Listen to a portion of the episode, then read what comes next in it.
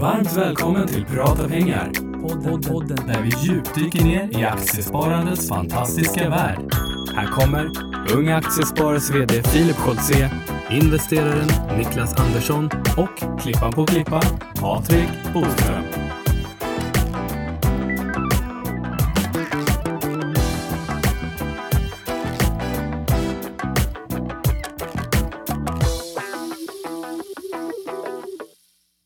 Säger vi äntligen måndag och varmt välkomna till Prata pengar tillbaka från semestern Niklas. Jajamän, och det är ju precis som du säger, inte vilken måndag som helst, utan det är tillbaka från semestern, nu är vi live.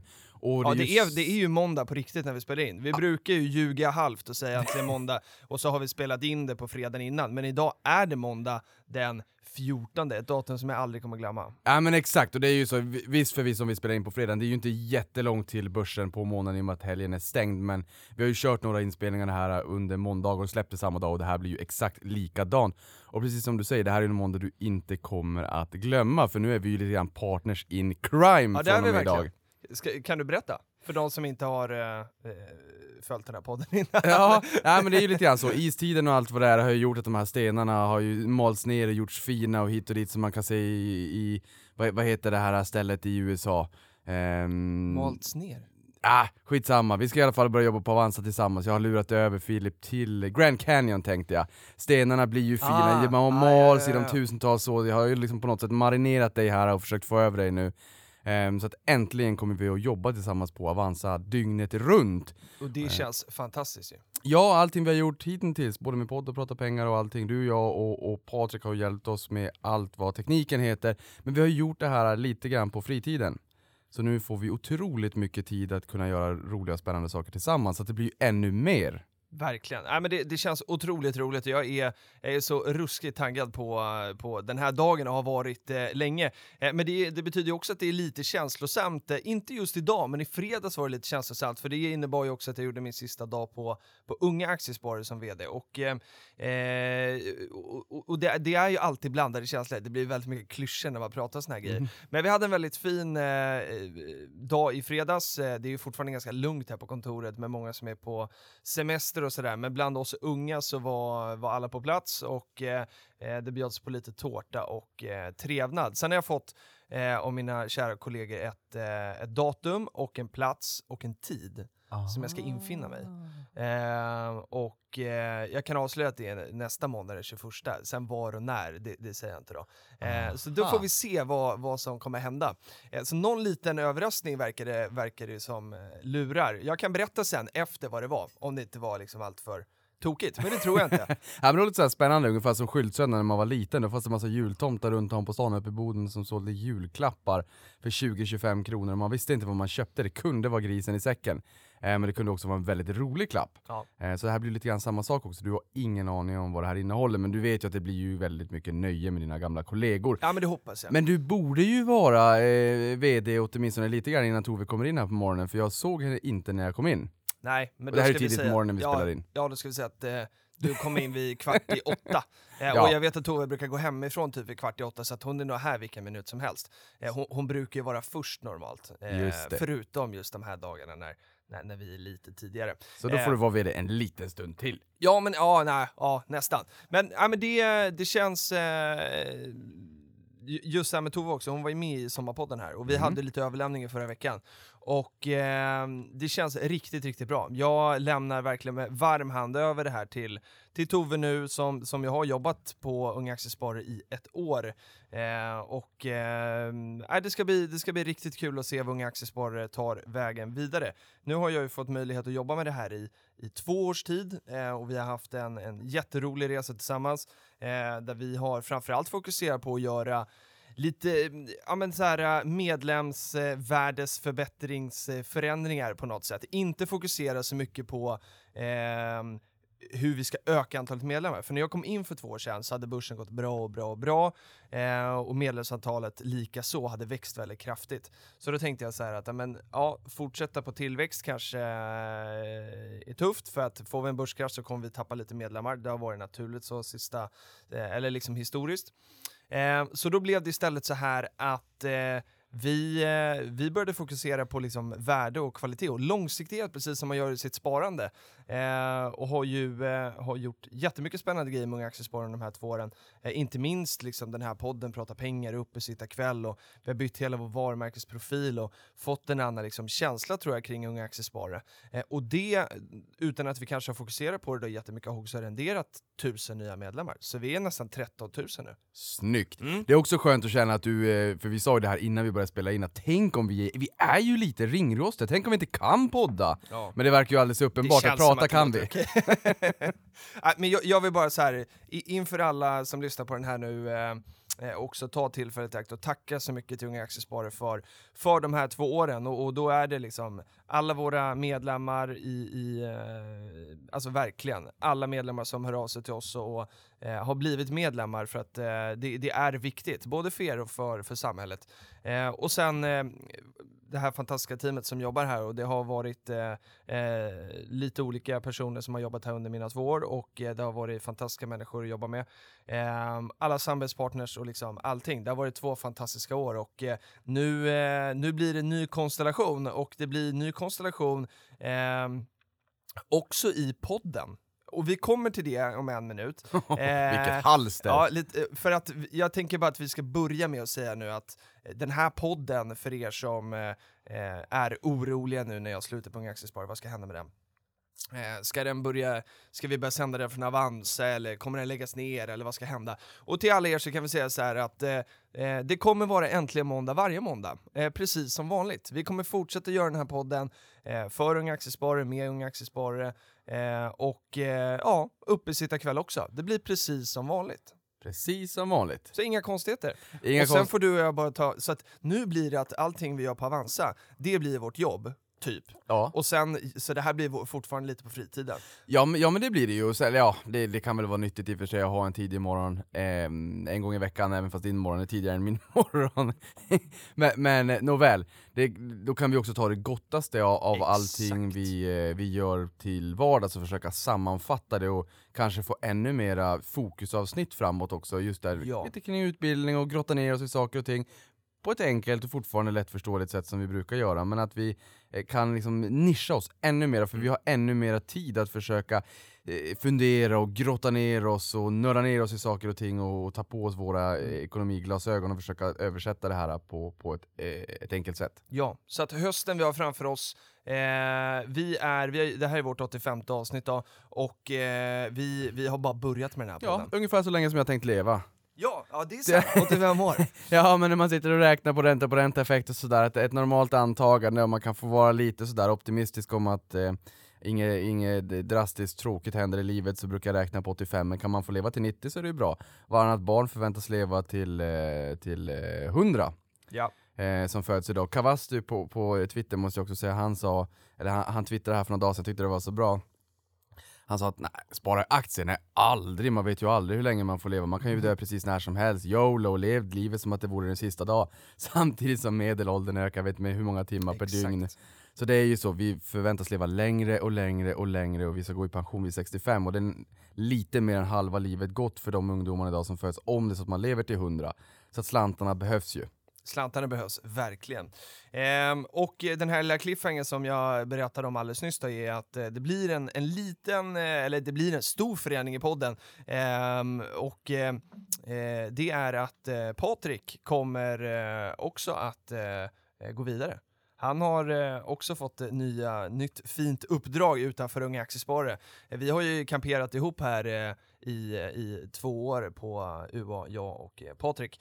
Och han har ju verkligen varit nummer tre till den här podden. Jag läste, det var någon, eh, någon sajt som hette Investeringstipset tror jag. Så det var min pappa som hade hittat som såg att de hade skrivit om, om vår podd. Och då hade de skrivit så här, vilka som gjorde podden, så var det Filip, Niklas och Patrik. Och då blev jag väldigt glad, för så har det verkligen varit. Eh, vi har ju varit tre, även om det har varit du och jag som har babblat mest. Men det är Patrik som ser till att den här podden låter fantastisk och eh, att det kommer ut snygga omslagsbilder, eh, bra rubriker och allt vad det är. Så allt eh, exklusive vårt eh, snack då är ju, är ju Patrik. Eh, och Patrik eh, kommer då, om jag går till Avanza så gör Patrik tvärtom och går till Nordnet. Ja precis, och då förstår man ju där att vår relation kraschar ju, så därför Nej, behöver vi inte. någon ny. Nej men det, ja, men det, ja, nej det kraschar inte, det är, vi, vi älskar Patrik. eh, och eh, då så är det ju så då att eh, ja, men Patrik kommer eh, vara var med oss eh, till mitten september ungefär. Eh, och eh, i den här studion. Och sen eh, kommer vi att eh, ha en ny Patrik. Vem det blir får vi se, men det kommer vara klart här alldeles, alldeles snart. Eh, så att, eh, men vi, vi kan vänta med att tacka av Patrik, eller hur?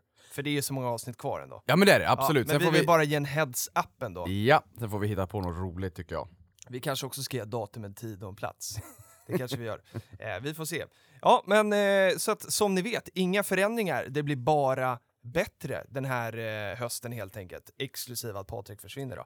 Men i övrigt så, så kommer allt det här bli eh, väldigt, väldigt bra. Exakt, det känns otroligt kul att verkligen få elda igång nu. Hösten är här, nej höst, förlåt jag tar tillbaka det där, där får vi klippa bort. Nej, hösten är hösten inte här, förlåt Nej. alla som hörde det där. Sommaren är fortfarande här, men nu jädrans kör vi igång med, eh, med eh, börsen igen. Sommaren är i alla fall över så tillvida att vi inte har semester längre, det är full fart framåt. Vi måste också bara ha ett litet inflik från, från Twitter här, för den här podden grundar sig väldigt mycket på Twitter och vår hashtag prata pengar. Och då hade jag eh, tagit med här att Money for Many sa så här då, att se fram emot allt spännande som väntar i höst, både hashtag prata pengar och hashtag Avanza Play.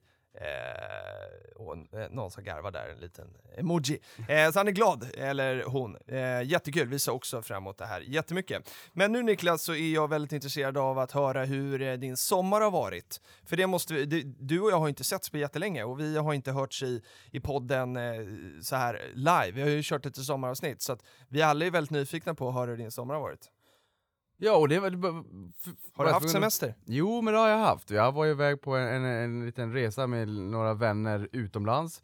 Eh, över här en uppesittarkväll och sen så vart ni lite oroliga där, men jag kom ju in klockan 11 en timme innan, eh, innan lönen trillade in på kontot. Ja, det var ju kul Så att, alltså. eh, ja, det började med, ja folk efterlyste mig och frågade om, jag, om, om det hade hänt någonting och då hörde du av dig till mig och frågade vad, vad, vad tusan jag håller hus. Men jag var på Du hade väg, dålig täckning. Ja jag var på väg in på, på Twitterflödet, jag missar inte uppesittarkväll. Eh, och sen har det väl varit med, vi har varit uppe i Boden ehm, och, och varit lite grann i fjällen också. Och jag har Ja, det såg jag bilder på. Ja, jag har gjort lite spaningar kan jag säga. Och just börsspaningar kan ju tänka att jag Mm. menar i det här fallet då. Vi hade Eh. aldrig förväntat oss något annat. nej, nej, men vi bilade upp till fjällen och då stannade vi till i, i, i Malmberget först. Eh, Eller ja, vi stannade till lite överallt kanske, men Malmberget så drog jag reflektionen över att de försöker flytta hela den här stan. Ja, det är det de ska flytta. Både. Kiruna och Malmberget just för gruvnäringen och det är ganska fascinerande. Det här är ju världsunikt, alltså att flytta en hel stad. Och visst att vi har hört det här många gånger och sådär, men, men när man är där och ser alla byggnader, men det är ju samhällen, det är ju, det är ju ehm, eh, vad säger man, eh, kvarter med det är ju massa hus, ja, men som en vanlig villa. Men har man påbörjat det här? Ja, Ja. som en vanlig villastad. Allt ska flyttas, allt ska bort. Mm. Eh, så otroligt fascinerande. Så fanns det plakat med vis- vilka börsbolag, eller vilka bolag som hjälpte till att flytta då, även då börsbolag. Jo men eh, flytta har man börjat med, för jag såg alltså när man har lyft upp husen, flyttat dem till en annan plats, satt upp ett plakat, här byggs upp en ny stad, och sen så står husen som på pålar. Så att man flyttar, man ly- lyfter upp alla hus direkt Men hur långt och- flyttas det? Alltså i eh, kilometer? Ja, det, jag tror att det var Malmberget vi var där då, Alltså, det var inte många kilometer. Nej, det är inte det, Nej, okej. nej, det var det inte. Så att det är inte att man, eh, man flyttar flera mil åt något annat nej, håll? Liksom. nej, nej nu, nu ska jag ta det med en nypa salt, men nej, nej, nej, det var någorlunda nära i alla fall. Om man flyttar för att man vill komma åt marken? Ja, ja, man vill komma åt malmen och kunna bryta ja. Eh, järnmalmen. Eh, och det är intressant här också, i Kiruna så var jag på ICA och där kan jag berätta att där fanns det både en skoterparkering och en sparkparkering. Såg jag också bild på. Ja. Väldigt, väldigt. Och du skrev också att, att du hade både åkt skoter och eh, spark till typ Ica. sånt. sparkat till skolan i min Till ungdom skolan, och kört skoter till pizzerian, det har man ju förvisso gjort och sådär. Men, men alltså att en ICA-butik, och det här var väl alltså en, ja det var väl en Kvantum tror jag, att de har en skoter och sparkparkering, det har jag aldrig sett tidigare. Det var väldigt kul. Eh, så det var kul. Sen eh, kom jag till, nu ska vi inte ha en lång utsvävning, men, eh, i Björkliden då, på, på restaurangen, eller på hotellkomplexet där, eh, vi bodde i en stuga men det fanns ett hotellkomplex där Mm. också, då gick jag in Och vad säger jag där? Jo, jag ser en massa Kopparbergskylar. Mm. Och sen ska vi boka en liten tid i restaurangen och så på den här griffeltavlan där det står då vad, vad, eh, vad som bjuds i köket, så var det också en Kopparbergstavla. Jaha. Eh, och det här tyckte jag ju var lite lustigt, jag la ut det på Twitter och folk tyckte ja men de kanske har fått hårdvaran eller då eh, utrustningen för att det stod ju liksom mjölk och ost och allt lite annat möjligt i de här Kopparbergskylarna som man då sålde på hotellet. Men sen visade det sig när vi skulle äta middag att ölen eh, som fanns till, till bjuds var alla från Kopparbergs. Mm. Eh, de är Höga Kusten och Ja. Sofiero. Soinerts och... Eh, jo, och, och eh, ja, nu kommer jag inte ihåg exakt vilken det andra var vad den hette. Men nåväl, det var bara Kopparbergs öl. Mm. Och då frågade jag, de hade även en, en, en tapp, en craft beer, som de brög, eh, bryggde tillsammans med Kopparbergs. Mm. Eh, joint venture. Mm. Så frågade jag, varför är det bara Kopparbergs? Jag var ju lite nyfiken, tyckte det var Mm. lite roligt. Du är ju aktieägare. Ja, jag är ju aktieägare i Kopparbergs. Och då, vi har ju haft vdn här i podden Ja. tidigare också. Eh, och, och, och då frågade, eller då sa han att Nej, men det, vi har ett exklusivt samarbete med, med Kopparbergs. Jaha. Vi får inte sälja någonting annat Okej. än Kopparbergs eh, drycker. Så Mm. det tyckte jag var häftigt. Sen såg jag även mycket Kabe. Eh, Men då måste man bara undra, alltså ett sånt ställe, varför har man ett exklusivt samarbete? Är det, då, då antar jag att de måste ha lite schysstare marginaler på grejerna också. Alltså att man har gjort någon sån, eller att man kanske får in eh, ett annat sortiment då, eller något sånt där. För det måste ju finnas ett win för det här eh, hotellet också. Ja det måste finnas ett win för hotellet också, sen ska man ju säga det är ju liksom en liten bit upp och köra dit upp, det tror inte jag spelar så stor roll i och för sig, men jag vet inte hur dealen ser ut här, men någon form av win-win måste det ju finnas. Mm. Men jag har varit lite glad och lite fascinerad också kul. över att det var liksom exklusivt sådär, men Kabe, Mm. husbilar, husvagnar, överallt. Sen Fjällräven, ja vi har ju köpt eh, Phoenix Outdoor Mm. här för en liten tid sedan. Man såg väldigt mycket Fjällräven och Konken då. Mm. Du vet ju när vi var i Almedalen att jag har ju ställt in raden, så fort jag ser en Konken-väska så pickade jag det på ryggen och vart tokig till slut. Eh, det såg jag även i Prag och lite grann över, överallt. Man, man ser dem rätt mycket. Ja det gör man verkligen. Eh, och sen vet jag att, att fjällturismen är på upptrend och har Mm. varit de senaste åren. Men, och en, en liten spaning här då, eller spaning, en, eh, vad kallas det? Lynchning, heter det det när man går ut och, och testar saker och tittar hur det fungerar i verkligheten? Som Peter Lynch, gjorde inte han det? Jag har, jag har en lynchning, du tänker så? Jo, nej, inte en ja, lynch, ehm, att, eh, nej, inte, inte någon vedergällning, det är inte det jag menar. nej, nej och, och det där är jättebra att du säger, Peter, Peter Lynch. Ja, förklara, eh, förklara det så ska jag berätta om min sån sen. Ja, Peter Lynch har ju, eh, han eh, var ju otroligt duktig förvaltare, en, en eh, enormt duktig erkänd förvaltare som eh, var på Fidelity och förvaltade deras Magellan-fond Mm. eh, och är känd för sina 10 baggers, alltså aktier som går upp minst 10 gånger eller 1000 procent. Just Och han har skrivit många böcker, man har skrivit boken One Up on Wall Street som Mm. är väldigt bra och där man pratar Eh, i väldigt enkla ordalag och säga att du har som privatperson förmodligen bättre information än vad de har på Wall Street. Mm. För du, har du bara, är du amerikan och har ett kreditkort så har du rätt bra koll. Och vad han menar med det är ju att man är ute på stan, man är ute i, i gallerier. För de som lyssnar på det här nu 2017, augusti, ja, retail-döden och alla gallerierna dör och hit och dit. Nåväl, på den här tiden när boken skrevs så gick man faktiskt i gallerier. Det gör man ju fortfarande. Eh, det gör man ju Ja. fortfarande. Och man ser, vad är det för butiker? Vad handlar jag? Vad handlar mina vänner? Vad är det för eh, kanske Dunkin Donuts eller Dunkin Brands, Dunkin Donuts när de öppnade? Var det gott? Var det många som handlade där? Vad är det där för någonting? Är det börsnoterat? Att man i ett väldigt tidigt skede kan se vad som händer ute i samhället, titta på de produkter och tjänster man använder. Är det börsnoterat? Mm. Är det något nytt och spännande? Därför att bolaget ofta behöver bli större och ha en mycket, mycket längre historik innan Wall Street tar upp eh, tar upp det här bolaget och säger att ah, det här sätter vi köp och det ska vara av olika storlekar och hit och dit. Jag vet Holdings på Twitter eh, tw- tweetade här för något halvår sedan om att eh, 5 till 700 miljoner kronor i marknadsvärde. Där någonstans börjar det institutionella kapitalet komma Okej. in i bolag. Eh, annars, fonder och sådär köps in. ja, precis. Men vi Så skulle- mycket sånt där. ja. Back to basics. Eller, ja, men, Ja men att man liksom, eh, det jag menade med det här då var när vi pratar Fenix, du är ju eh, aktieägare då och det är inte jag, men jag har funderat på, på det ett tag. Du klev ju in eh, sent inom citationstecken. Det har Oh ju ja, varit oh ja. eh, snack ganska länge om den här aktien och den har gått väldigt, väldigt starkt. Och sen drog du av plåstret och, och köpte in dig. Eh, och jag har inte gjort det än, men, eh, men jag var lite sugen i somras, jag har också sett Koken, vi var i Almedalen som du sa, eh, och, eh, och sen har jag under sommaren sett jättemånga sådana där väskor. Eh, och, eh, och så gick jag in i, i en av deras butiker, för de äger ju Naturkompaniet Mm. och Fjällräven och lite andra märken. Så gick jag in i en av deras butiker i, i Stockholm Eh, och så stod jag och tittade på en Konken-rygga jättelänge. Det var som en så här kombinerad rygga-portfölj på något sätt. Tänkte jag så här, men det här kanske skulle vara schysst. Eh, och alltså verkligen så här, höll på med, med, mellan två väskor för det var två likadana, olika storlekar, jag höll på att kolla sådär. Jag var inne med min bror, fick ingen hjälp. Det var inga människor i den här butiken, mycket personal. Fick ing, alltså det var ingen som kom fram. Eh, och det här har hänt förut. Eh, liksom, får ingen uppmärksamhet alls som kund. Och sen på vägen ut ur den här butiken så liksom demonstrativt så säger min bror, alltså tar ögonkontakt med henne i personalen och säger hej. Eh, bara för att så här, visa att vi var där liksom. Eh, och de var såhär, ja ah, hej typ. Alltså super, superdrygt beteende. Och då kände jag när jag ut såhär, nej den här aktien vill inte jag ha. Sen ska man liksom inte dra det så långt. Jag har varit med om det här förut med Naturkompaniet och det kan ju vara så att de tycker att jag och min bror ser inte ut att vara några fjällvandrare, så att de där lägger vi ingen energi på. Men, men, men, eh, men, jag, Typiskt gi- stockholmare. ja, men, ja, men jag gillar inte sånt där alltså. Eh, och, ehm, och det var det jag liksom menade med en lynchning någonstans, att man går ut och gör sin egen hemläxa, skapar en känsla kring ett bolag och, eh, eh, och se hur det verkligen fungerar. Sen drog jag det här bara på kontoret och så, så var det minst en av mina kollegor, eh, vi kan kalla henne Tove, eh, så, som, som hävdade det motsatta och tyckte att hon fick fantastisk hjälp när hon var inne på Naturkompaniet. Så att det kan ju vara både och här, men eh, nej, jag, jag sätter den på hold ett tag till. Du sätter den på hold. Ja. Nej, men, men, men alltså i det här fallet, det som jag tycker är lite intressant, det- det är ju när man ser både på i amerikanska serier, har jag sett det tidigare, och även lyssnat på amerikanska poddar, så det vd har pratat om att de gör såna här mystery shopping. Mm, exakt. Eh, och då kanske det ska vara stora bolag för att jag menar, våran VD, varken du Nej, på Unga nej. Aktiesparare eller på Avanza eller Nordnet eller vad det än är, de kan ju liksom inte komma till Nej, kontoret så och låtsas vara en mystery shop. Vi vet vilka det är för små bolag. Verkligen. Eh, Men, men när vdn kommer in kanske i en butik och de inte riktigt vet att den här personen är vd på bolaget, eh, ja så, så kan det faktiskt vara. Mm.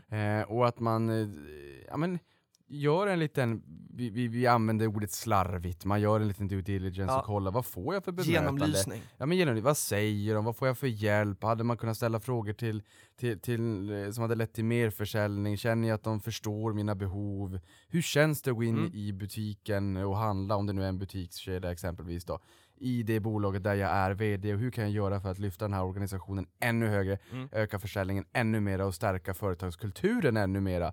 För att man kan ju faktiskt skapa en sån kultur, eh, en servicekultur. Mm. Verkligen. Och, och apropå service, då ska jag komma in på hur min sommar har varit. Och det, jag... Du, och det hade jag tänkt fråga. Ibland brukar du säga såhär, du pratar Niklas och så frågar du inte mig. Men nu tänkte jag fråga, men då pratade du på om, om Lyncha och Peter Lynch. Men nu säger jag, hur har din sommar varit Filip? Ja, tack Niklas. Eh, det, det blev liksom ombytta roller, jag svävade ut och sådär. Eh, ja, men min sommar har varit fantastiskt skön. Jag eh, eh, var i Frankrike, har inte varit i Frankrike innan.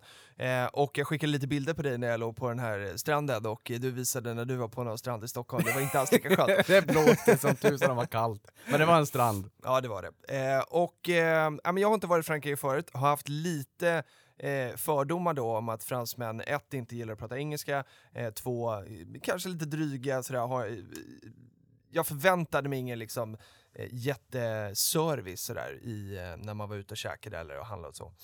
Men eh, gud vad fel jag hade. Eh, och så här, ett, fransmännen, eh, ja de kanske har en ovilja att prata engelska, men jag upplevde det mer som att de verkligen inte kan engelska. Eh, och nummer två, och, och så här, och vi träffade några goda vänner till familjen som är fransmän och, eh, så här, och svenskar. Eh, och de lär sig liksom inte engelska i skolan, så det är ganska naturligt. Eh, nummer två, vilken fantastisk service. Alltså jag måste säga det. Eh, älskar fran fransmän och Frankrike. Fan vad de är duktiga på service. Alltså på så många ställen. Eh, restauranger och liksom butiker, eh, marknad, vad som helst. Eh, stora, små, ja. Fantastisk service. Och det älskar man. Då är det kul att konsumera. Ja men vad kul att höra, och det är roligt där också så när du säger att man är ovillig att prata engelska, för det, har, det är ju en sån här, eh, ja men det har, man ju, har ju de flesta hört. Att fransmännen Mm. kanske inte gillar att prata engelska, men det kanske är som du säger. Jag menar, De tycker kan man, inte. Nej, och tycker man att franskan är liksom ett stort språk, och det tycker de nog säkert, jag menar, då, då funkar det ju ganska bra med franska. kanske. Ja men det gör det. Eh, så att, eh, och eh, något annat som eh, man ju gör på semestern kan vara att man läser böcker och då är min fråga så här, har du läst några böcker? Ja men det har jag gjort, eh, men eh, mest, mest poddar får jag säga. Mm. Eh, Jag har försökt att liksom alltid ha en podd i örat hela tiden, för att många av de poddarna jag lyssnar på är en timma, så Mm. menar, Men man har, jag har en jättelång backlog och det blir det är så timme, timme, tid. Mm. Det är jättelång tid. Det är väl en 20-30 timmar i veckan och då förstår du att man hamnar rätt lätt på efterkälken. Ja, Ja. och man hamnar rätt lätt på efterkälken för det är så mycket tid. Men eh, jag har läst återigen då eh, Peter Lynch med One Up on Wall Street i, i, i sommar faktiskt. Eh, så att den sitter absolut färskt i Mm. minne och sen så tänker jag nu här att beställa en bok eh, med Jim Cramer på CNBC, Mad Money, som är eh, eh, oh, vad heter den? Eh, Confessions of a Street Addict. Okej. Vad Tror avancerad den, tror att jag fick den helt rätt. Han är ju en otrolig aktienörd. Han Eh, är väldigt kul att titta på också. Ja, han är en... en ehm, Man kan youtuba honom. ja, verkligen. Han, han lever sig in i det, han är en estradör. Verkligen. Eh, jag har eh, verkligen gått back to basic eh, och eh, på stranden i Frankrike så läste jag eh, två böcker av Per O. Börjesson. Eh, den ena, eh, Så här kan alla svenskar bli miljonärer, alltså verkligen back to basic. Eh, den här har jag läst eh, för länge sedan och, eh, och sen läste jag hans bok om Warren Buffett som jag faktiskt inte hade läst innan. Och den var en väldigt bra introduktion liksom, till, till, till Buffett och, och eh, inspirerad till vidare läsning och sådär. Men, ja, men jag kände verkligen det att eh, jag tyckte det var ganska skönt att ha semester och läsa något som var liksom repetition och ja, men så här, enkelt. För att det, och, och, så kunde, och så läste jag en stund och sen låg jag och funderade och så, så här, hur jag skulle göra med mitt eget sparande och sådär. Och, eh, och tyckte faktiskt att det var ganska nice att, att eh, bara läsa på de här ja, men, nybörjarböckerna om man får kalla dem så inom citationstecken. Eh, väldigt, väldigt bra att få, få repetera sådana saker för att det är lätt att man liksom glömmer bort de mest liksom grundläggande strategierna kanske eller reglerna som, som är bra att ha kring sitt sparande. Eh, så att jag, jag backade tillbaka och så ska jag grotta ner i såna här svåra böcker nu under hösten. Ja, och, men där kan man också säga just den här One Up on Wall Mm. Street Ja, som men den den ska jag heter då, läsa. eh, den, den är också lite grann av en, man får nog eh, klassa den som Ja, nybörjarbok. den, okay. Alltså i, i språket, Ja. du behöver inte vara långt gången i, i liksom den här fikonvärlden eller fikonspråket för att förstå den utan man, man den är ju förvisso på engelska och jag menar, är man bekväm med att läsa engelska böcker så ta, ta, tar man liksom Det är någonstans- ofta en vanlig sak det där. Ja, Ja. och då tar man ju utgångspunkt efter hur du som privatperson kan slå Wall Street och, och med, på ett enkelt och lättförståeligt sätt Mm. och ganska lustfyllt sätt. Så att jag tror att den kan man faktiskt också bita tag i utan att känna att den är för avancerad. Eh, innan vi eh, går in och pratar lite sommarbörs så eh, ska vi bara lyfta in en tweet från Fanny Kokkonen som var informatör på UP förra året. Hon skrev så här. Lyckan när alla britter dricker Kopparbergs på Zakynthos, kan semestra med gott samvete och ser att pengarna och ser att pengarna jobbar åt mig, hashtag prata pengar. Precis som för dig då. Zakynthos, trevligt. Trevligt, Där bra. kan man ju tänka sig att det är mycket alkohol. Ja, ja, men det, det, känns det, som en sån eh, grekisk ö eller vad Ja, det... här, där det är mycket party. är det inte det? Ja men det kan det nog vara, och det roliga är att det är bra att hon hjälper den grekiska ekonomin som faktiskt har kommit lite på fötterna de senaste åren. Absolut. Och det är till och med så att Grekland har ju sin ambassad, ambassad mig veterligen fortfarande på Östermalm, så att man behöver ju slantarna för att kunna pröjsa för sina fashionabla adresser. Exakt. Eh, sen, Ja. Ja, jag ska bara säga att det bara, kan bara hända i Boden att det kommer en okänd kvinna och sätter sig vid bordet på krogen. Jag och Jenny var ute, vi var barnfria och, och var ute och Mm, tog vad en skönt. två öl någonting. Eh, Vi betalade 90 spänn för en IPA, höll på att dö. Du, jag betalade, eh, inte jag, men vi, vi var på ett bryggeri i Stockholm där det kostade 130 spänn för en öl den veckan. Åh herregud. det var inte okej, men fortsätt. Eh, nej det är faktiskt verkligen inte okej. Nåväl, vi satt med min bror och sen så kommer det folk och liksom ska hälsa och sådär för att eh, Boden är ju litet och, och folk känner igen en när man är hemvändare och sådär. Det är lite roligt. Eh, och man, man känner ju, eh, träffar ju många som man inte träffat på ett tag och sådär. Mm. Så kommer en okänd kvinna i medelåldern och sätter sig vid bordet Mm. och sen så öppnar hon handväskan och sen så tar hon upp något plast och jag tänker nej, nej, nej, säg inte att det är någon form av narkotika. Jag gillar inte Ah. narkotika, jag har, jag har knappt sett det i borden, jag gillar inte det, det är absolut inte min grej. Jag säger snälla låt det inte vara det.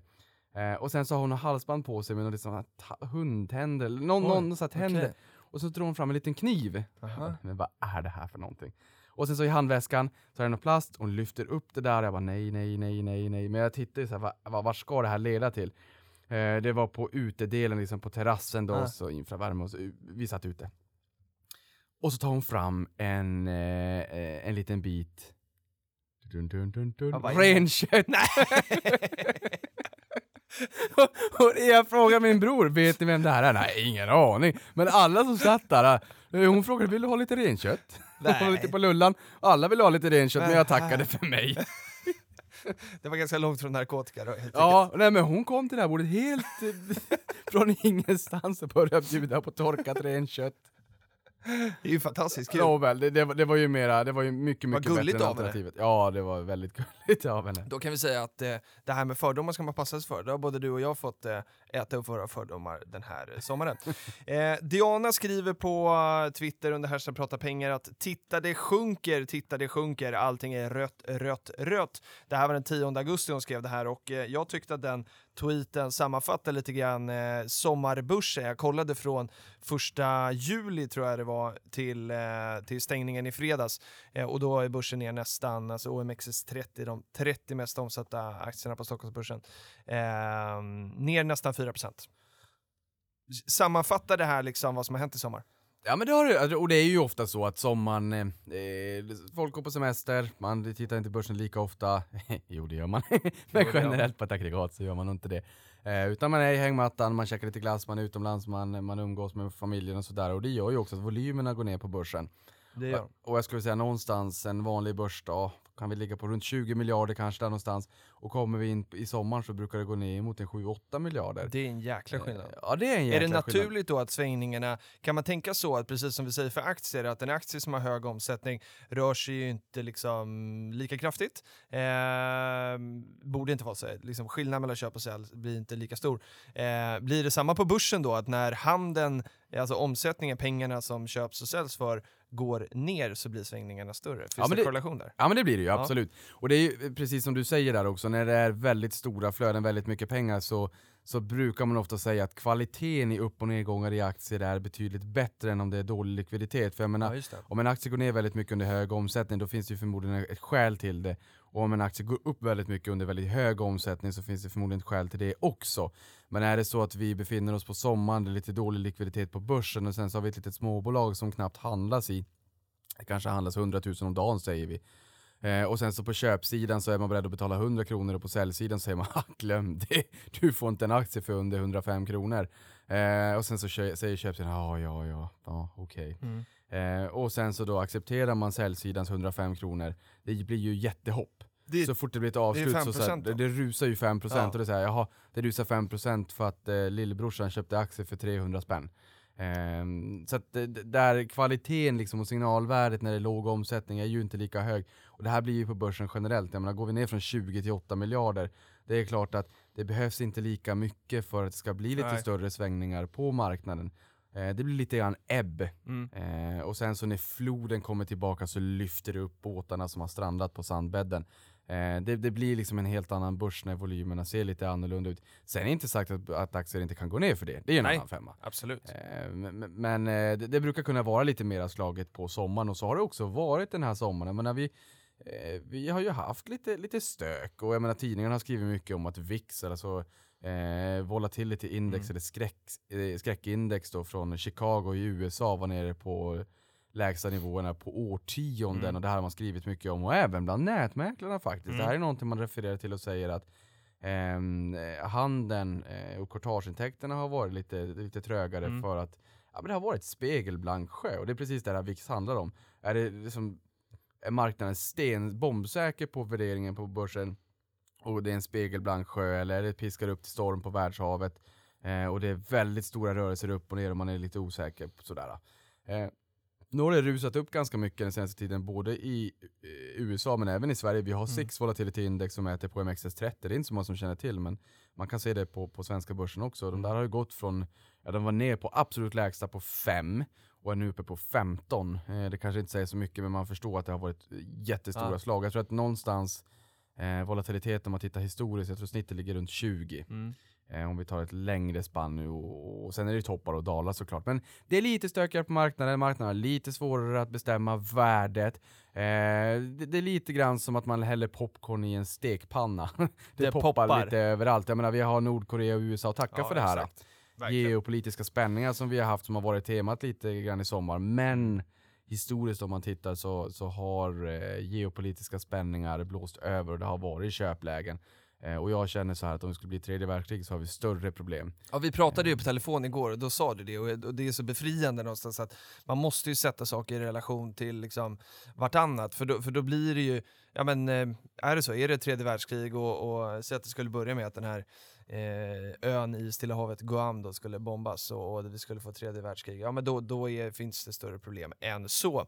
Eh, så det gäller att, att, att, tänka till lite grann. Eh, men har eh, det, det, kan man säga där också, eh, jag eh, försökte bara snabb-googla här, men jag är inte snabb nog. Eh, just det här att även i krigstider, du vet att Coca-Cola, de köpte, det fanns ett bolag som hette, jag tror att det är Sunmade, kan det vara det? Det jag är lite osäker. Det är något juice, juicebolag, de som ah, lyssnar på det här okay. känner säkert till vad det heter. Men där var det ett juicebolag som grundades eh, kring eh, andra världskriget mm -hmm. eh, och skulle sälja juicekoncentrat, eller vann en upphandling och skulle sälja juicekoncentrat till, mm. till amerikanska försvaret. Ja, men är det de här, uh, de här påsarna man köper som i ett sugrör? Som man köper? Nej, nej, nej, nej, inte, inte Dan, son, son, don... Son... Eh, nej, son, nej, nej, nej, det är det inte. Eh, Eh, och, och, då vann man liksom ett avtal här om att leverera juice till, till försvaret. Sen så Caprisonne tog... heter de inte? Jo, Caprisonne ja. heter de. Nej, det är inte de. Eh, då tog ju kriget slut, och det, då fick ju det här bolaget väldigt stora bekymmer. Eh, och det är ju bra att kriget tog slut, men då kom Coca-Cola och sög upp det här bolaget mm. 1966 har jag för mig att det var, för att eh, konkurrera med Pepsico som hade Tropicana. Mm. Eh, så att min, min långa utläggning här, och poängen är att även i de jävligaste tider så finns det bolag som faktiskt eh, frodas. Och vi har samma sak med oh, Kramo, jag har sett väldigt mycket Kramo i sommar, väldigt mycket Kramo. Det gjorde så, vi också i Almedalen. I Almedalen ja. också. Kramo grundades, bildades egentligen i, efter, i, i efter Inte börsnoterat dock. Eh, jo, i, i Finland. Ja, är det i Finland? Ja. Eh, man, man bildades egentligen för att låna ut maskiner och, och, och verktyg för att bygga upp Europa efter kriget. Mm -hmm. Så jag menar, är, är, man byggare eller hantverkare så känner man förmodligen till Kramo, eller snarare byggare då kanske, ja, av att man lånar en massa maskiner och sådär. Men det är också efterkrig, eh, efterkrigstiden, ja. bygga upp Europa. Så det, det, det, är det, creative destruction Creative destruction var helt fel ord. Kreades, eh, det, det, det är ju kreades, krig är fruktansvärt, men ja. i de jävligaste tider så finns det ändå bolag som, som, som tar fasta på det här. destruction eller vad var det? Cre eh, ja, Creed. krig är ju verkligen inte creative Nej nej, kreades, men, nej jag, Men, men kreades står för creative destruction ja. efter, efter uppbrytningen från HQ då, HQ Bank. Ja, eh, Avanzas huvudägare. Eh, då är min nästa fråga om du har gjort några förändringar i din portfölj under den här eh, sommarbörsen? Eller har du bara taktat på som vanligt? Nej, men jag taktar på som vanligt, jag har duttat en massa. Jag har, jag har insåg att det har varit lite pengar som jag inte har återinvesterat och sådär. Så att, eh, ja, men jag har handlat i, i, under juli månad så handlar jag lika mycket som vad jag normalt bör handla under ett halvår. Oj! Eh, och insåg att, ja, jag köpte lite här och lite där, så insåg jag Niklas, nu måste du lugna dig. men då köper du det, du eh, tar lite lån då? Alltså du har be belåning på portföljen? Jo, jo, jo precis. Ja. Jag, har tagit lite på kreditlinjen, men det är amorteringsportföljen och den har jag inte pratat så mycket om för att den är ju inte långsiktig till sin natur. Nej, okay. Och så att okay. de, de, de köpen är egentligen såhär, ja ja. Det, mm. Så egentligen skuldfri på vanliga aktieportföljen? Ja det är jag. Okay. Ja. Eh, så, men, men det har varit lite köp och det har lite utdelningar och man har passat på lite grann under oron i och med att vi har fått den här lilla sättningen på marknaden, så har jag passat på lite grann. Det gjorde jag också, men jag gjorde ett eh, litet skifte i min portfölj. Du och jag pratade ganska mycket Ratos när vi var i, eh, i Almedalen. Mm. Och, eh, och du sa någonting klokt till mig om att eh, vi resonerade kring det här och du sa att men Ratos, i, i och med att deras, det är ju ett private equity-bolag, riskkapitalbolag, de ska liksom köpa bolag, eh, göra någonting med det, sälja det dyrare några år senare. Eh, till skillnad från ett investmentbolag som kanske, ja men liksom Invest Industrivärde, de vill ju äga sitt for life, typ. Eh, det händer, de, de gör inte lika många transaktioner i sin portfölj. Eh, och då sa du att det här blir väldigt personberoende då på något sätt, att man har rätt personal, rätt tjänstemän som eh, hanterar det här, både och, och liksom få möjligheten att köpa, lyckas liksom göra om det här bolaget och sen ha möjligheten också att hitta en köpare för att sälja. Eh, och, eh, och, och, då funderade jag, lite, för jag har gått och liksom grott lite grann om, om Ratos ganska länge och eh, eh, sålde det för eh, några år sedan då när den gick från ja, 60 kronor ner till 40 eller något sånt där och, och, tog den smällen då, sålde av, köpte sen tillbaka för något år sedan på ja, men runt 40 då igen. Och så har det ju liksom, det har stått still här ungefär. Eh, och nu bestämde jag mig för att, eh, för att lämna. Det kanske långsiktigt är en eh, fantastisk investering, det pratade du lite grann om igår också.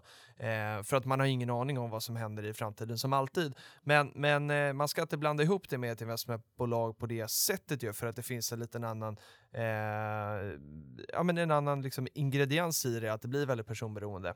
Eh, jag tyckte det, var, tyckte det var smart. Och istället då eh, så, så valde jag att eh, köpa något som är, för mig i alla fall, lite enklare att förstå för att man, man ser det ganska naturligt. Eh, och det är fastigheter, jag kanske har lite för mycket fastigheter i min portfölj. Läste också det i en av de här böckerna i somras, att eh, fastighetsaktier man skulle kunna, att det skulle vara som en blandning mellan en obligation och en aktie på något sätt. Vi behöver inte gå in där nu.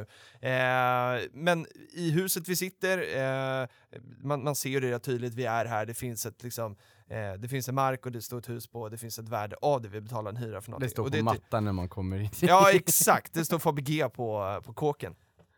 Eh, så Fabg köpte jag, har jag ägt tidigare också, men varit i, ifrån i några år. Så den lilla förändringen har jag gjort i min portfölj och då tänkte jag så att vi ska ta upp en fråga som har kommit in från Oliver Kai Kairala.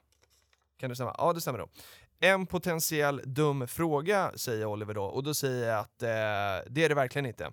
Eh, det finns inga dumma frågor för att dra en klyscha, men så är det verkligen i den här podden. Hur tänker ni kring investmentbolag? Definierar ni dem som flera bolag, investeringar eller endast ett? Eh, och det här är en superbra fråga tycker jag. Eh, för det bygger lite grann på, vi brukar säga ha 10-15 bolag i portföljen eh, och eh, då undrar han om man då har ett investmentbolag som äger andra bolag. Eh, vi säger att eh, industrivärden har vad har de, tio bolag kanske. Eh, ska man om man köper industrivärden då, är det som tio bolag i portföljen eller är det ett? Eh, och jag jag räknade som ett bolag i portföljen för att, eh, som jag vet att Niklas kommer säga snart, att det ger en ju möjlighet att få äga fler bolag lite dolt. Eh, men det är klart att eh, det finns någonting i det Oliver säger här, att, att eh, det är ju typ som att köpa en fond. Jo men det är, det är ju precis som du säger, man, det är ju ett sätt att sopa under mattan det faktum ja. att eh, om det nu är så att man äger eh, några för många bolag i portföljen, om man då tycker det, eh, och ser att ja, men samtliga de här bolagen är ju faktiskt bolag som ingår i eh, ett investmentbolag, vi säger mm. industrivärden exempelvis, jag menar då kan man ju kanske sälja av de bolagen och bara äga industrivärden för att man får de bolagen underliggande. Ja, och då får man, får man ju ner, också. Kanske också till, till eh, substansrabatt och då får mm. man ju ner antalet bolag i portföljen. Så det är ett litet snyggt sätt att, att eh, window dressing lite Exakt. grann. Eh, men, så att, eh, ja. Men sen kan det vara så också att menar, man läser ju ofta sådana nybörjartips att investmentbolag är perfekt sätt att få en exponering mot börsen. Eh, och det kan jag tycka det är det ju också, för jag menar, börjar man med, eh, bortsett då från att värderingen ibland kan vara hög på investmentbolagen, de kan också gå ner, det ska oh, man ju inte sticka under oh, stolen med. Men just att man får en, en bred exponering direkt. Mm. Och, och, det är ju förmodligen också bättre än, än en fond som kanske kostar 1,3, 1,4, 1,5% kanske om det är en Sverigefond. Sen finns det duktiga förvaltare också, det ska vi lägga in en disclaimer, det finns riktigt duktiga förvaltare, vi har haft många med oss i den här podden. Men Eh, det blir en otroligt billig förvaltning. Jag menar, industrivärlden, när Helena Stjärnholm var med här i podden och gästade oss så sa hon att vad var de, 20, 21, 22 personer i organisationen. Ja, det är inte stort. Eh, på, på ett väldigt stort börsvärde. Så det, du, du får en väldigt billig förvaltning får du. Eh, och sen vet man också att det här är aktiva ägare ofta. Mm. Både Wallenbergarna i Investor och, och, och eh, industrivärlden, det blir mer tjänstemannaorganisation, men sen har vi också Fredrik Lundberg som ja, har gått in mer och stärkt upp med sin eh, persona i, i, den organisationen. Det blir en, an, en annan form av ägande än vad det blir i en, i en passiv eh, fond. Ja, för fonderna är ju oftast passiva. Ja, förutom i Intrum Justitias fall när ja, fond, fonderna har storägare och går ut och får en bättre deal än vad både vd och styrelse får. Eh, ja, jag vet inte vad jag ska säga om det. Men, men eh, ja, i, i mångt och mycket så är de ju passiva. Så är det. Eh, då kan vi ta nästa fråga som kommer från Stefan Aleborg som undrar hur gynnas ett bolag av att jag äger deras aktier? Bra fråga. Eh, vi kan väl säga så här att eh, aktiemarknaden är ju som Blocket. Det är ju en andrahandsmarknad för begagnade ting, eh, oftast. Eh, för då är det ju så att när, om jag köper aktier så är det någon som säljer de här och när, när jag köper dem, de pengarna som jag köper det här för går ju inte till bolaget utan de går ju till säljaren av aktierna. Så att den enda gången som du faktiskt tillför liksom, pengar till bolaget, det är ju om bolaget gör en nyemission eh, och väljer att liksom, ta in nya pengar, trycka nya aktier eh, och, och sälja ut dem till, till eh, befintliga och kanske nya aktieägare då, eh, för att ta in nya, nya pengar. Och det gör man ju antingen för att man kanske vill satsa eller för att eh, bolaget är lite på ruinens brant. Eh, men det finns ju lite andra värden i att eh, ett bolag har aktieägare också, eller du äger. Eh, ma man vill ju ha liksom många aktieägare. Det kan ju finnas ett värde i det. Varför gör det det?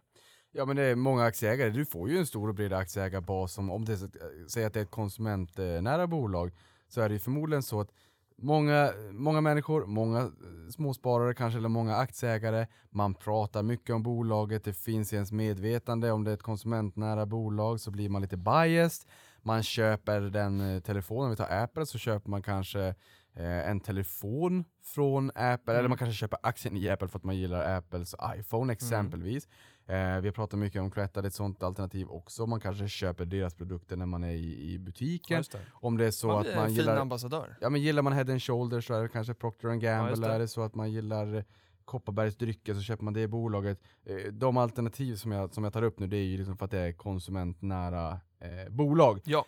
Um, så att, vad ska man säga?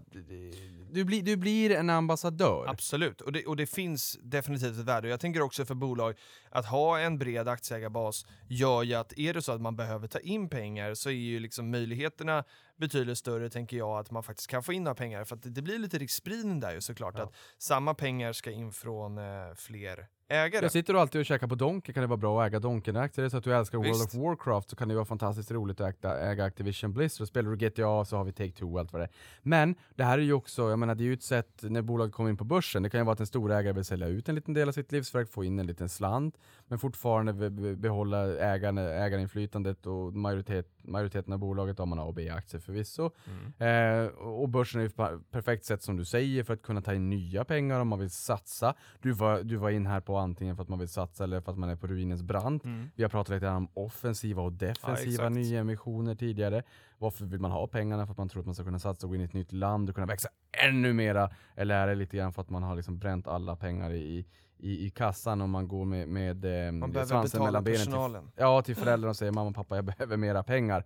Eh, personalen kan köpa aktier i bolag de själv jobbar i. Mm. Eh, det finns många, marknadsföring, ja, det är ett jättebra sätt att exponera bolaget. Du får mycket bättre ställning mot, eh, mot eh, samarbetspartners du ska ingå avtal i om du är börsnoterad. För det finns en annan insyn i bolaget, du har en annan kvalitetsstämpel. Så det finns många, och det har vi varit in på tidigare också, men många skäl till att vara i en börsnoterad miljö. Definitivt.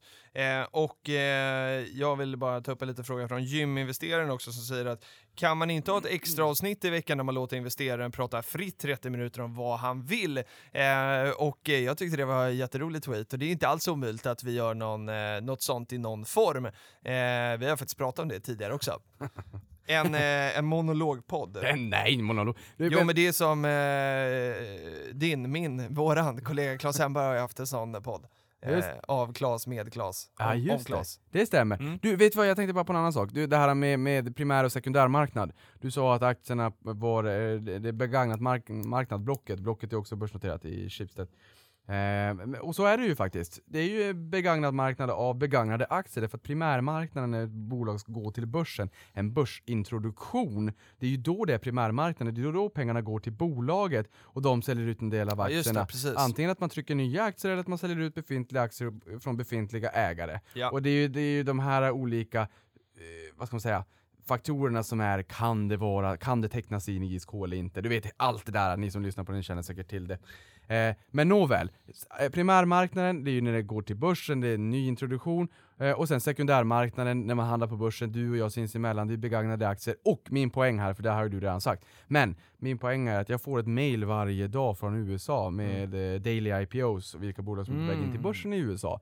Och det har ju varit lite hetsk stämning ibland i, i, investerarkollektivet i Sverige när man har velat vara med på börsintroduktioner, det har varit hett med, med att eh, vara med och delta i nya introduktioner, nya bolag kommer in på börsen.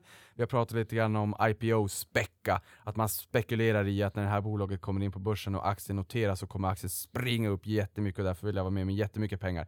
Jag tecknade flera olika depåer på flera olika banker och med jättemycket mer pengar än vad jag vill äga för att jag vill vara med och jag tror att det kommer gå upp och sen har det varit så stora intressen så att man får knappt någon tilldelning alls. Sen det blir lång utsvävning, sen pratade vi med Adam Kostial, eh, noteringschef på Nasdaq när vi var i Almedalen, och han manade också till försiktighet, att, eller han menade att eh, lite långsiktighet ibland är inte fel. Nej. Men min poäng nu är att... Det är många poänger i den här meningen. Nej, min poäng är att eh, även fast man kan vara lite arg i Sverige Mm. att, att småspararna inte får så stor tilldelning och att man får lite brödsmulor ibland, att stora institutioner tar det mesta. Så i USA är det ovanligt att småspararna får med överhuvudtaget. Mm, verkligen. Eh, och det är en bra poäng, att det är småspararvänligt eller privatspararvänligt i Sverige, därför att det är inte alls så här eh, vanligt i andra länder att småspararna får vara med Nej. och få en del av kakan i nya bolag som kommer in på börsen. Så är det. Det var min poäng. Och eh, min eh, poäng, jag ska, eller jag vet inte, ja du får en poäng av mig därför att jag sa till dig igår att eh, du ska få göra ett nyhetssvep om, eh, då sa jag topp 10 som har hänt sen eh, vi spelade in podd senast. Och då har du överraskat mig så fint att du har bara tagit med åtta punkter, så att jag blir ju helt lyrisk för då kan vi ju göra någon fin avslutning på den här podden också. Så att, eh, sätt igång! Niklas sommarnyhetssvep topp 8. Ja, och för, för sen var det du sa, tio stycken, vi kom hem jättesent från Norrbotten igår kväll, eh, och, och du vet lillen, man ska upp och mata flera gånger per natt och sådär, och jag kände att Nej men det här var bara bra. Ja, för jag backade bak till mitt Twitterflöde från Ah. första juli och jag kände att det är väldigt mycket amerikanskt alltså, men nu när vi kommer jobba tillsammans så kommer vi ha så jädrans mycket tid att följa med i flödet. Oh ja. Så det kommer bli väldigt mycket svenskt i det här nyhetssvepet också. Men nåväl, vi har varit in lite grann på VIX-index, eller skräckindex som man då brukar kalla det, har ju varit på rekordlåga nivåer under sommaren. Likaså som vi var in på tidigare i podden, SIX Volatility Index som alltså mäter eh, den implicita volatiliteten på OMXS30 i Sverige. Eh, och nu har volatiliteten här då spikat, det har blivit lite större rörelser. Det kanske också innebär att handeln på börsen stiger lite grann, vi har ju varit in på de ge- eh, geopolitiska spänningarna. Eh, och jag har sagt att det kan vara köplägen, det här brukar blåsa över. Eh, Donald Trump, han är det är mycket snack och lite verkstad faktiskt. Eh, även så med löftena om skattesänkningar och allting. Det har varit väldigt mycket löften och väldigt lite. Han är en liten terrier som skäller mycket. Eh, jag, har ingen liksom, eh, värdering i det, annat än att jag tycker att han är, han har agerat lite grann som en liten terrier.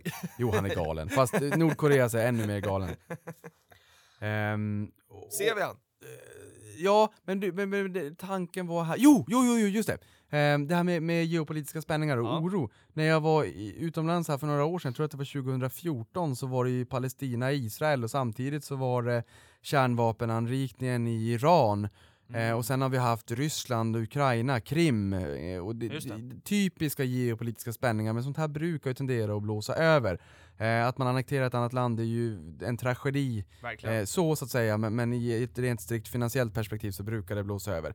Eh, och CVN har passerat Investor som största ägare i Ericsson och det här var ju tredje hjulet, så det här är ju verkligen old news. Fråga på det. Ehm, ja, Pratar vi kapital eller röster då?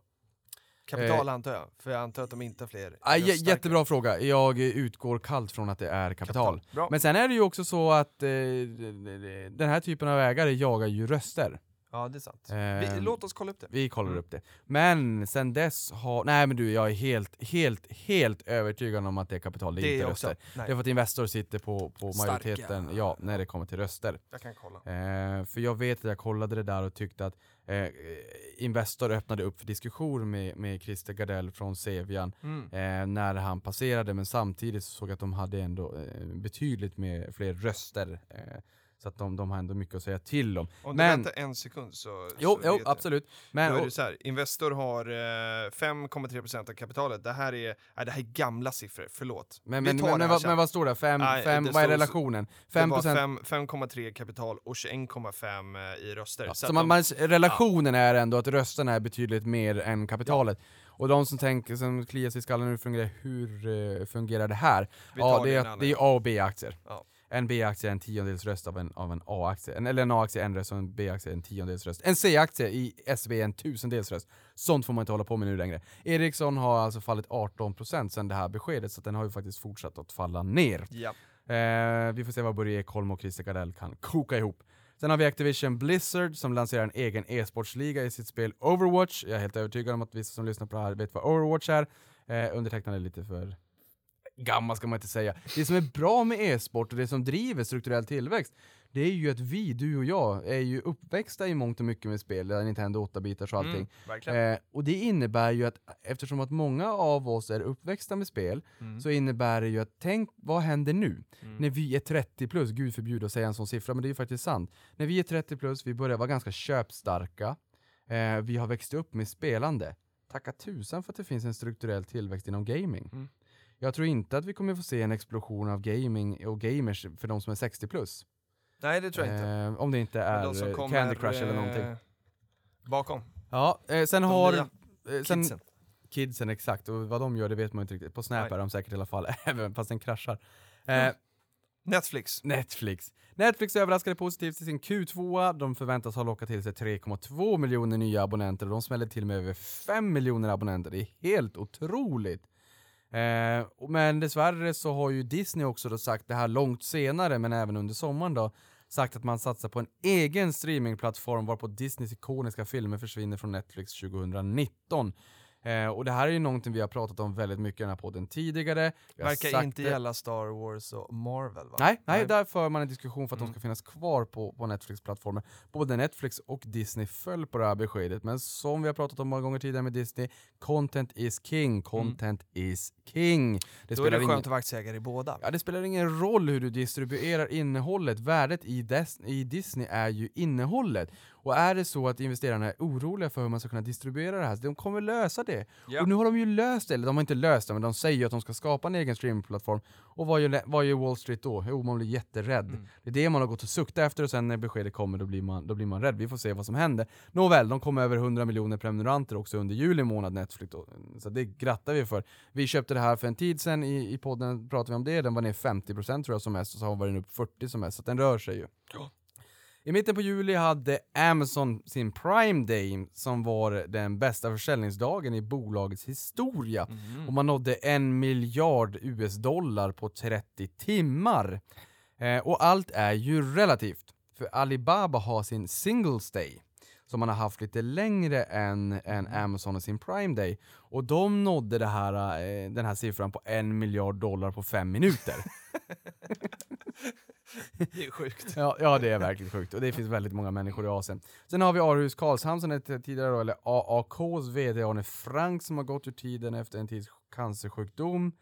Eh, och jag tycker Tråkigt. Just som så här, tråkigt. Vi tackar honom för det han har gjort för oss aktieägare och eh, tankarna går ju såklart till vänner och familj. Verkligen. Eh, sånt här är alltid tråkigt Det när är det, det. sker. Inte bara när det är eh, kända eh, profiler så att säga, men det är ju oftast kan man kanske lyfter upp det, men det är ju Jo. tråkigt oavsett Ja, där. eh, när sånt här händer. Ja. Eh, sen har vi fått ett visst uppställ inom brick and mortar eh, i, i retail i USA. För det har ju varit lite grann så att eh, marknaden har varit livrädd för allt vad, vad retail heter. Eh, och, och, och, måldöden, alltså döden för eh, gallerior och allt vad det kan tänkas vara. Och att eh, Jim Cramer på CNBC Mad Money, han pratar om couch economy, att det, det är eh, Domino's pizza man ska äga för att de har en app där man kan beställa pizza, man Mm. behöver liksom inte gå upp i soffan och sen sitter man och tittar på Netflix och allt vad det är.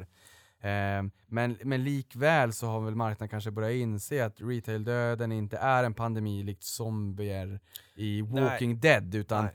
Ehm, det, det kommer att polariseras, det kommer finnas bra aktörer och det kommer finnas mindre bra aktörer.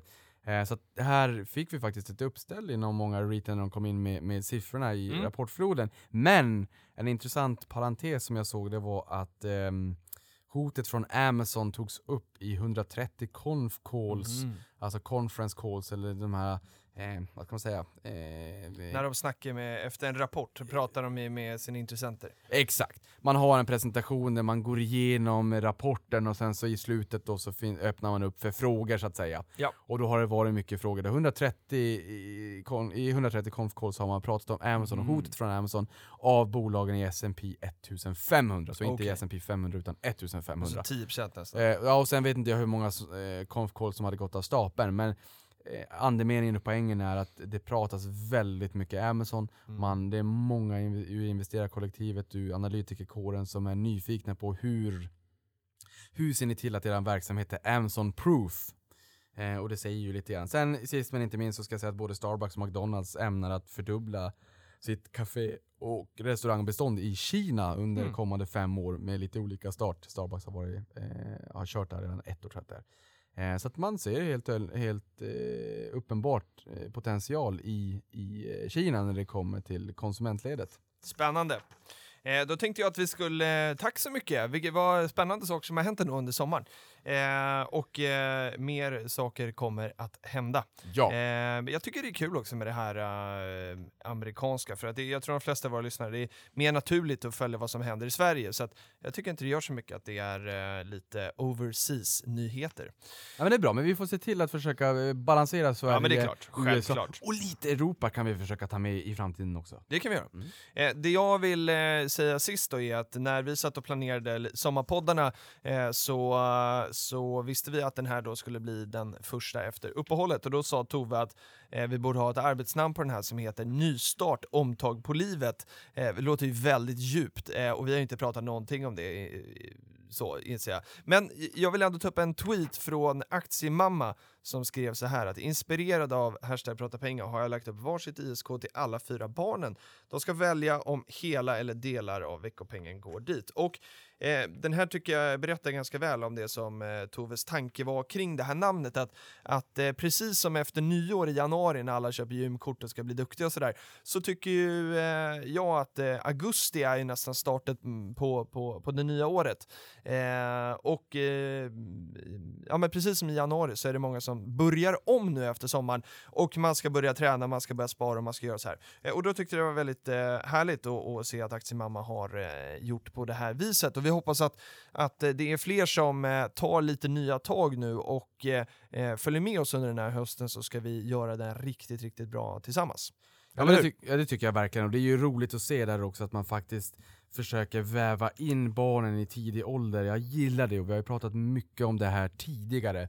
Eh, att försöka göra det skolan och skolväsendet inte gör. Vi pratade även med gymnasieministern under Almedalen. Det gjorde vi. Eh, det, det gjorde vi. Vi Det sätter, gick inte så bra. vi sätter punkt där. Vi sätter punkt. Eh, jag tror att man får nog liksom fundera lite grann på att kanske göra lite mer på sin arbetstid för att försöka få in skol eller ekonomi på skolschemat. Japp. Det, det, var, det, det var tomma ord. Eh, Men vi är med er, eh, eran eh, aktiekompis i etern, ska vi säga Ja. så? Ja. Sen har jag fått ett meddelande här på, på Twitter också från en, en Rickard Okej. som, som sa att han har fått eh, sina döttrar att börja spara. Ja, kul. Ehm, och har gjort det att varje uppe sista kväll så lär han dem en ny term. Nej, vad roligt. Eh, och sen så är det en ny term varje månad och det tycker jag är fantastiskt roligt. Det är ju det är ju perfekt. Jättebra. Varför inte göra något tillsammans med föräldrarna och barnen när de är nog...